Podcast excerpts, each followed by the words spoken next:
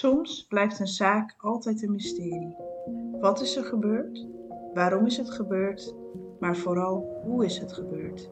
Je kunt je niet voorstellen dat er iemand een moord pleegt en al helemaal niet dat diegene dan jarenlang en in sommige gevallen zelfs hun leven lang hiermee door blijft lopen.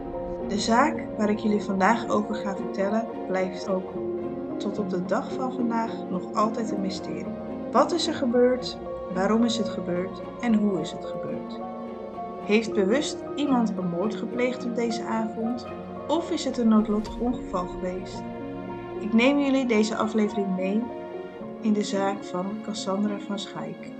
Aflevering 22. De dood van Cassandra van Schaik.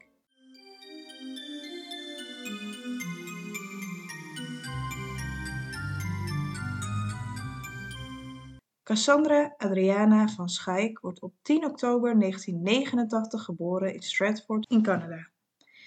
Cassandra heeft een Canadese moeder en een Nederlandse vader. Cassandra groeit op in Nederland, in Almere buiten. Haar ouders besluiten al snel uit elkaar te gaan. Cassandra woont samen met haar broer en stiefzus bij haar vader. Rond de tijd van haar dood was, Cassandra 17 jaar oud. Ze volgde de opleiding Sociaal-Pedagogisch Werk op het ROC Flevoland. Voor haar opleiding liep ze stage op een kinderdagverblijf en had ze een bijbaantje in de supermarkt. Als klein meisje begon ze met line dansen. Dit vond ze helemaal geweldig. Toen ze opgroeide, groeide ook haar liefde voor hardcore. Cassandra is een vrolijk en levenslustig meisje. Ze is vaak op feestjes te vinden en vooral hardcore feesten. Ze was heel erg sociaal en leek enorm van het leven te genieten. Op 23 maart 2007 besluit Cassandra naar de discotheek eindelijk in Almere stad te gaan. Ze gaat hier naar een hardcore feestje. Ze gaat heen met een bevriend stel en ze arriveren hier rond 11 uur. Er zijn ongeveer 250 mensen binnen. In de club staan verschillende populaire hardcore DJ's te draaien en Cassandra heeft het heel erg naar haar zin. Volgens haar omgeving dronk ze bier en heeft ze een pilletje geslikt. Iemand heeft gezegd dat ze daarna ook nog een lijntje heeft gesnoven. Echter is het nooit bevestigd en later is het ook nooit in haar lichaam teruggevonden. Rond half vier neemt een beveiliger haar mee naar buiten omdat hij ziet dat het niet goed met haar gaat. Ze zou eigenlijk richting huis gaan met de vrienden waarmee ze aankwam, maar de jongen was er al eerder uitgeschopt vanwege een vechtpartij en zijn vriendin ging met hem mee. Cassandra vertelt tegen de beveiliger dat ze eigenlijk om vier uur thuis moet zijn en dat ze dit ook graag wil halen. De beveiliger zegt dat ze moet opschieten, want de laatste nachtbus gaat om kwart voor vier. Het is dan op dat moment half vier. De beveiliger stuurt zijn collega naar de garderobe om haar spullen te pakken. Een vest van Lonsdale, een jas, een rugzak en een handtas. Cassandra haast zich om op tijd thuis te zijn. Ze wil echt niet te laat thuiskomen. En ze moet de volgende ochtend om acht uur al werken, dus ze wilde graag naar huis om nog even te slapen. Ze rent, zelfs terwijl ze heeft gedronken, nog naar het busstation. De volgende ochtend wordt de vader van Cassandra wakker. Hij loopt naar beneden en hij ziet Cassandra haar jas niet aan de kapstok hangen en haar schoenen niet in de gang staan. Dus hij loopt naar boven en hij ziet dat haar bed onbeslapen is. Hij schrikt hiervan, want Cassandra is eigenlijk altijd op tijd. Wanneer ze iets later komt, stuurt ze altijd ruim van tevoren een berichtje. Hij belt wat vrienden van Cassandra, maar niemand weet waar ze is. Hij belde zelfs het ziekenhuis en de politie om te vragen of ze misschien in het ziekenhuis of in de cel zat. Maar ook hier was Cassandra niet te vinden. Hij belde later die dag terug naar de politie en gaf Cassandra als vermist op. De politie pakt de zaak gelijk snel op, omdat Cassandra niet het type meisje is dat weg lijkt te lopen en omdat er ook getuigen zijn zoals de beveiliger waar ze tegen heeft gezegd dat ze echt graag naar huis wilde. De politie verhoort snel heel veel mensen, maar er komt niks uit. Veel mensen kwamen wel naar voren en zeiden dat ze haar hebben gezien op een station of op een plek of in de stad en haar ouders reden overal heen, maar helaas was Cassandra nergens te vinden. Partyvlog was een heel groot platform waar mensen met elkaar konden communiceren over feesten. Cassandra was hierop heel actief. Tijdens haar vermissing wordt er op Partyvlog veel gespeculeerd wat er met haar gebeurd is en waar ze is. De politie zoekt alles hierop uit, maar ze vinden helaas geen goede aanwijzing. Op dinsdag 27 maart, vier dagen na de verdwijning, komt er een vrouw naar voren.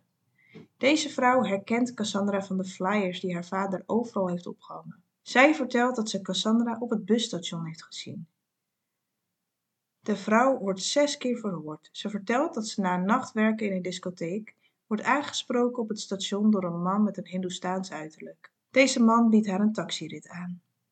De vrouw slaat het aanbod af. Ze ziet daarna dat hij doorloopt naar een ander stel, maar dit stel slaat het ook af. De vrouw loopt verder en ze ziet een meisje met een andere man praten. Ze zegt dat ze dit meisje herkent als Cassandra. Ze luistert mee met het gesprek en ze hoort dat Cassandra zegt dat ze zin heeft in een joint. De man roept zijn vriend erbij en ze ziet dat deze vriend dezelfde man is die haar net een lift aanbood. Ze hoort Cassandra zeggen dat ze de bus heeft gemist. De twee mannen bieden haar een lift aan. De vrouw ziet ze met z'n drieën weglopen. Dit wordt later bevestigd door beveiligingsbeelden. De vrouw maakt zich zorgen omdat ze de mannen niet vertrouwt en ze krijgt er een heel naar gevoel bij. Ze ziet dat een van de mannen een arm om haar heen slaat, maar ze durft niks te zeggen. De vrouw spreekt wel met een ander stel, die zeggen dat de man die haar heeft aangesproken al de hele avond mensen op een hele vervelende en agressieve manier aanspreekt. De recherche denkt dat het misschien om illegale taxirijders gaat. Dus de politie zet een grootschalig onderzoek op onder alle mensen die bekend zijn bij de politie als illegale taxirijders. Iedereen wordt verhoord. Ook verspreidt de politie een flyer met een stilstaand beeld van beveiligingscamera's waar de twee mannen op te zien zijn. De politie vraagt of iemand ze herkent zodat ze kunnen getuigen in de zaak. De zaak komt ook in opsporing verzocht. De beschrijving van de twee mannen is als volgt. De eerste man heeft een donkere huidskleur, mogelijk Hindoestaans of Surinaams. Rond die periode was hij tussen de 25 en de 30 jaar.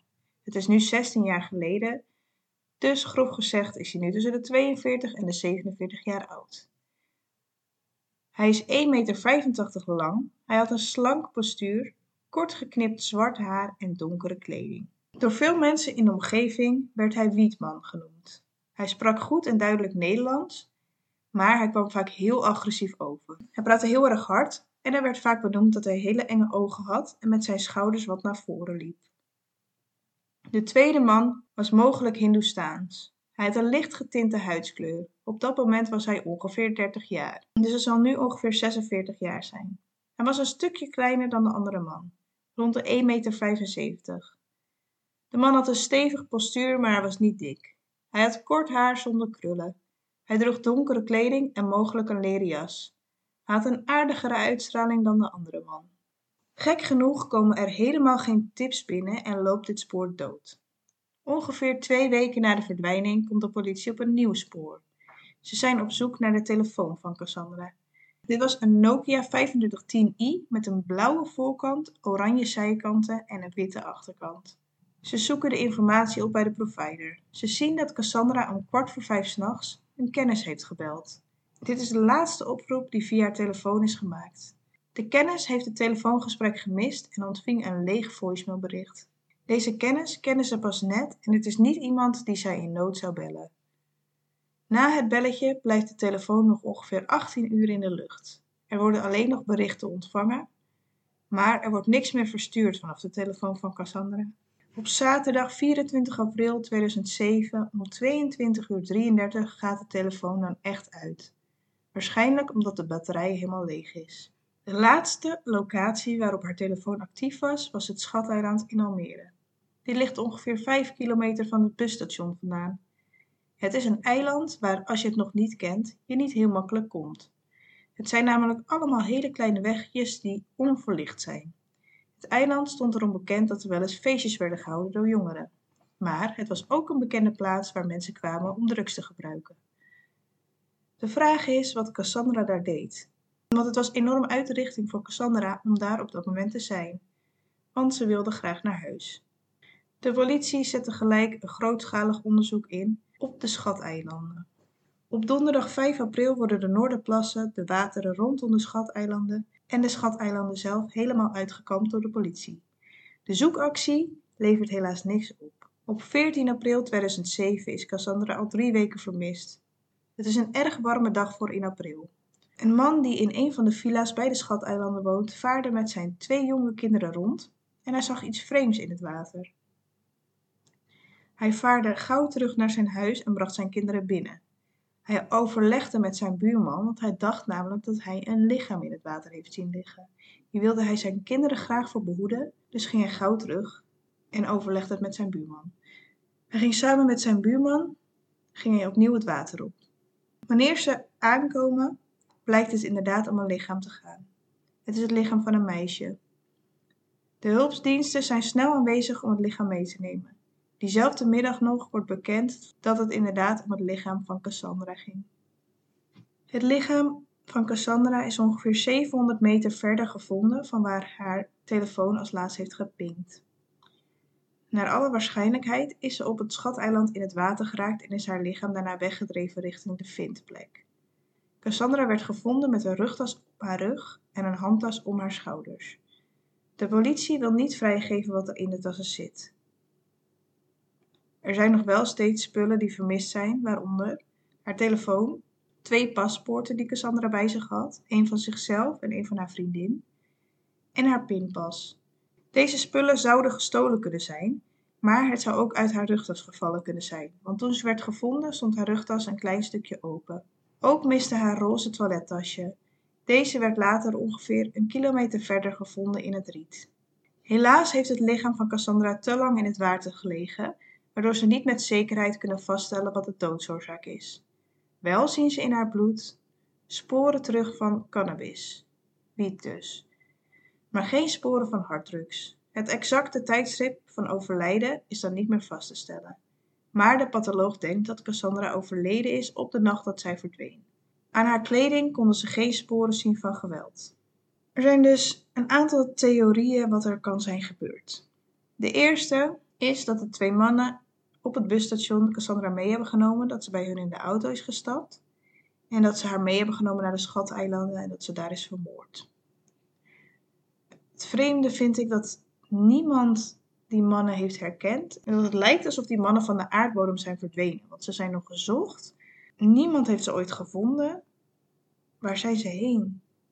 En waarom heeft niemand ze ooit gemeld? Een andere theorie is dat Cassandra een stukje met die mannen is meegelopen, maar later bij iemand anders in de auto is gestapt en dat diegene haar heeft vermoord. Maar wie zou dat moeten zijn en waarom zou ze daarbij in de auto stappen?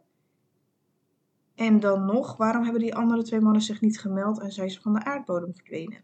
Dan is de volgende theorie dat Cassandra zelfmoord zou hebben gepleegd, maar volgens haar familie is dit heel onwaarschijnlijk. Ze stond heel vrolijk in het leven, was heel sociaal en wilde nog heel veel dingen doen. Nou kan dit natuurlijk altijd een masker zijn en is er altijd een mogelijkheid dat iemand zonder dat andere mensen het weten heel ongelukkig is. Maar het is een wandeling van ongeveer een uur. In een beschonken toestand zou het misschien nog wel langer zijn. Naar de plek waar haar telefoon voor het laatst een oproep heeft gedaan. Maar dit was 45 minuten nadat ze op de beveiligingsbeelden meeloopt met de twee mannen. Dus, dan, dus het tijdslot klopt niet. Ze zou een uur lopen van het busstation naar de plek waar haar telefoon voor het laatst een oproep heeft gemaakt. Maar er zit 45 minuten tussen. Dus er moet iets gebeurd zijn dat ze met iemand mee is gereden. Of dat er ja, ik kan niet zo goed bedenken wat er anders gebeurd zou moeten zijn. Er kan natuurlijk ook een ongeluk zijn gebeurd. De watertemperatuur was maar 6 graden op dat moment. Als je daarin valt met je kleding aan, overleef je dat waarschijnlijk niet.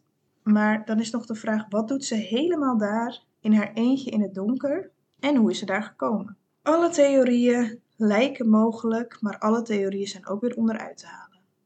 Het vreemdste vind ik dat de mannen waarmee ze mee is gelopen zichzelf niet hebben gemeld en nooit zijn gevonden.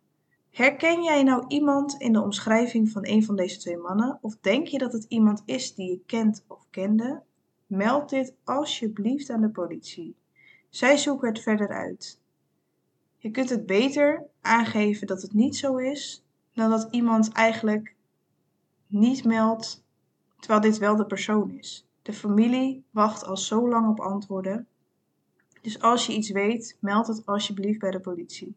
Naast de twee mannen is de politie op zoek naar beveiligingsbeelden van mensen in de omgeving van het busstation op 24 maart 2007. Ze zoeken ook nog andere getuigen die op 24 maart 2007 mogelijk Cassandra nog hebben gezien. Ze zoeken nog de telefoon van Cassandra, de Nokia 5310i met een blauwe voorkant, oranje zijkanten en een witte achterkant. Mogelijk heeft Cassandra die avond een andere telefoon gehad.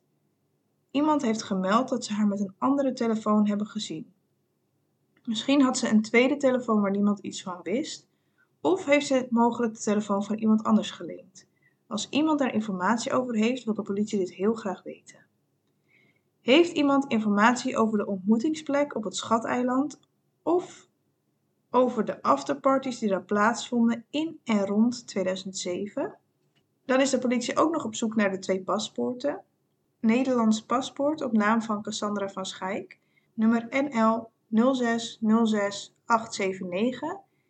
en een Nederlands paspoort op naam van Desiree Ruiter, nummer NC 5475941. De bankpas van Cassandra, een Rabobank bankpas voorzien van rekeningnummer 1054656364 op naam van Cassandra van Schaik. En er is een persoon geweest die in 2007 of 2008 naar Meld Misdaad Anoniem heeft gebeld. En de politie vraagt of diegene nu meer wil verklaren. Dat is waarschijnlijk iemand geweest die anoniem melding heeft gedaan en die iets meer weet, maar nog niet genoeg heeft verteld. De puzzelstukjes vallen nog net niet in elkaar. Als je iets over deze zaak weet of je herkent de mannen en je wilt toch anoniem blijven, meld het dan alsjeblieft bij Meld Misdaad Anoniem.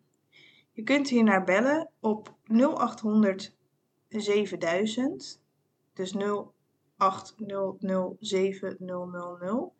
Of je kunt het online melden op www.meldmisdaadanoniem.nl.